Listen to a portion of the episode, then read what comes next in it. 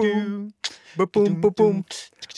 lytter til en podkast av Opplysningen på Radio Nova. Opplysningen på Radio Nova?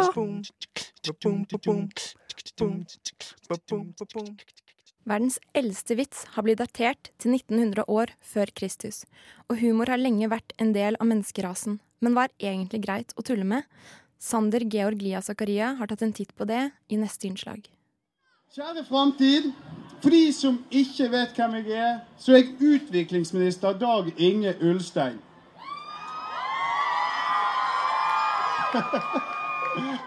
takk, takk. Eh, det var, som er sagt her, ikke planlagt at jeg skulle komme. Men eh, vi i regjeringen har eh, pratet om dere i statsråd nå. Og eh, da ble jeg sendt ned til dere for å si på vegne av regjeringen Vi hører dere! Vi ser dere! Klippet du hører her, er fra klimademonstrasjonen i Oslo 22.3 i år. Og mannen du hører snakke, er ikke mannen han utgir seg for å være. Mannen som her utgir seg for å være bistands- og utviklingsminister Dag Inge Ulstein, er i realiteten komiker Thomas Teige, som jobber for NRK-programmet Satiriks. I tiden etter stuntet oppsto det en debatt i Norge. En debatt vi har hatt flere ganger både før og etter også. En debatt om hva det er som er greit å tulle med.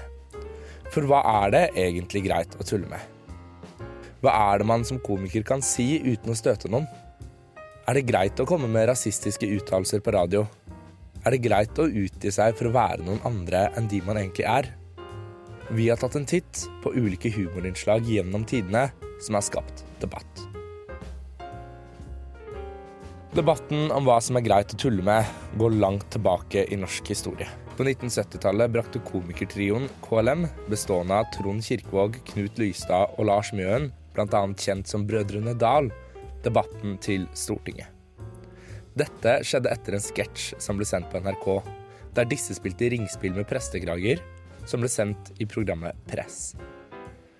I dag virker det kanskje litt rart at dette skulle skape så stor debatt, og at det ble diskutert på Stortinget.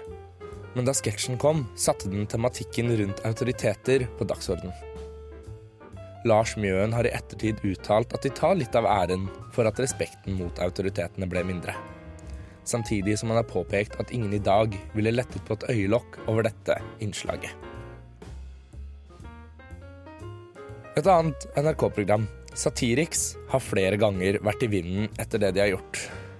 Etter stuntet på klimastreiken sa flere elever at de følte seg lurt av Teige, som i tillegg hadde uttalt at regjeringen ville gi dem gyldig fravær for streiken. Samtidig har flere uttalt at dette ville legge press på regjeringen om å gjøre en faktisk endring, noe også Satiriks har uttalt var grunnen til dette. Dette er derimot ikke den eneste gangen det satiriske programmet har kunnet høste kritikk for ting de har gjort. I sommer ble de offer for offentlig debatt da de delte en tegnefilm der en ung gutt spilte Scrabble med en jødisk mann, og gutten var redd for å legge ordet jødesvin. Mange mente dette var smakløst av NRK Satiriks, og videoen ble i ettertid fjernet fra NRK. NRK har også vært i vinden flere ganger. For rundt tre uker siden møtte radioprogrammet Radioresepsjonen, bestående av Bjarte Tjøstheim og brødrene Tore og Steinar Sagen, mye kritikk. Kritikken kom som et resultat av et innslag i programmets spalte Flauhetskonkurransen, der Tore Sagen skulle presentere det flaueste han visste rasisme og klimaskeptisme. For å gjøre dette leste Sagen opp en tekst han hadde skrevet, der han kom med en rekke rasistiske uttalelser, og bl.a. brukte N-ordet. Dette ble presentert som Sagens egentlige meninger, selv om han selv ikke står for dette. Innslaget ble i etterkant tatt ut av kontekst og kritisert i media. Blant annet ble Sagen meldt inn til Kringkastingsrådet, og innslaget ble kort tid etter trukket fra kanalene. Sagen har gått ut og sagt at han ikke vil be om unnskyldning fordi han mente det han gjorde ikke var galt, men han har sagt at han aldri ville bruke N-ordet igjen. Saken ble i går tatt opp i Kringkastingsrådet, og responsen var ganske annerledes enn det folk hadde sett for seg. Kringkastingssjef Tor Gjermund Eriksen mente dette innslaget måtte være et av de mest vellykkede satirinnslagene laget i NRK. Nettopp fordi den skapte så mye debatt, også innad i NRK, om hva som var grensene for satire. Kringkastingsrådet mente også at innslaget ikke skulle vært trukket, men det var Tore selv som ønsket innslaget trukket, og dette hadde rådet stor respekt for. I 2002 ble Torbjørn Jagland innlagt på sykehus etter mye mediepress rundt en lengevarende lederstrid i Arbeiderpartiet. TV 2 sendte live utenfra sykehuset, og ble midt i en reportasje avbrutt av komiker Bård Tufte Johansen, som dukket opp i bakgrunnen i kyllingkostyme og kaklet og lagde mye støy. Tufte hevdet selv at dette var for å latterliggjøre at media dekket dette, da han mente det var dem selv som hadde satt Jagland i posisjon. Men reaksjonene lot seg ikke vente, og mange kalte dette smakløst og respektløst. Tufte selv mente det usmakelige var måten TV 2 dekket saken. Jeg ble provosert av TV 2 fordi det først og fremst for dem handlet om å være først et sted. Jeg ble også provosert over den falske omsorgen de viste. Sa Tufte i en kommentar ti år etter stuntet.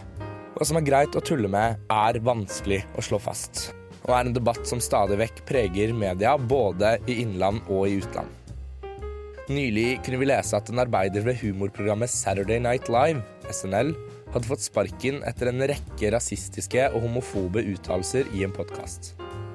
Han mente selv dette var humor, og at han forsøkte å parodiere de som var imot disse, men mistet altså jobben før han hadde tiltredd stillingen.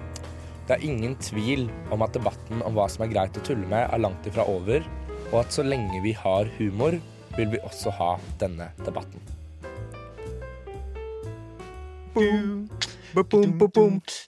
har nå hørt en podkast fra Opplysningen 99,3. Finn denne og tidligere episoder på Spotify, iTunes eller der du måtte finne dine podcaster ellers.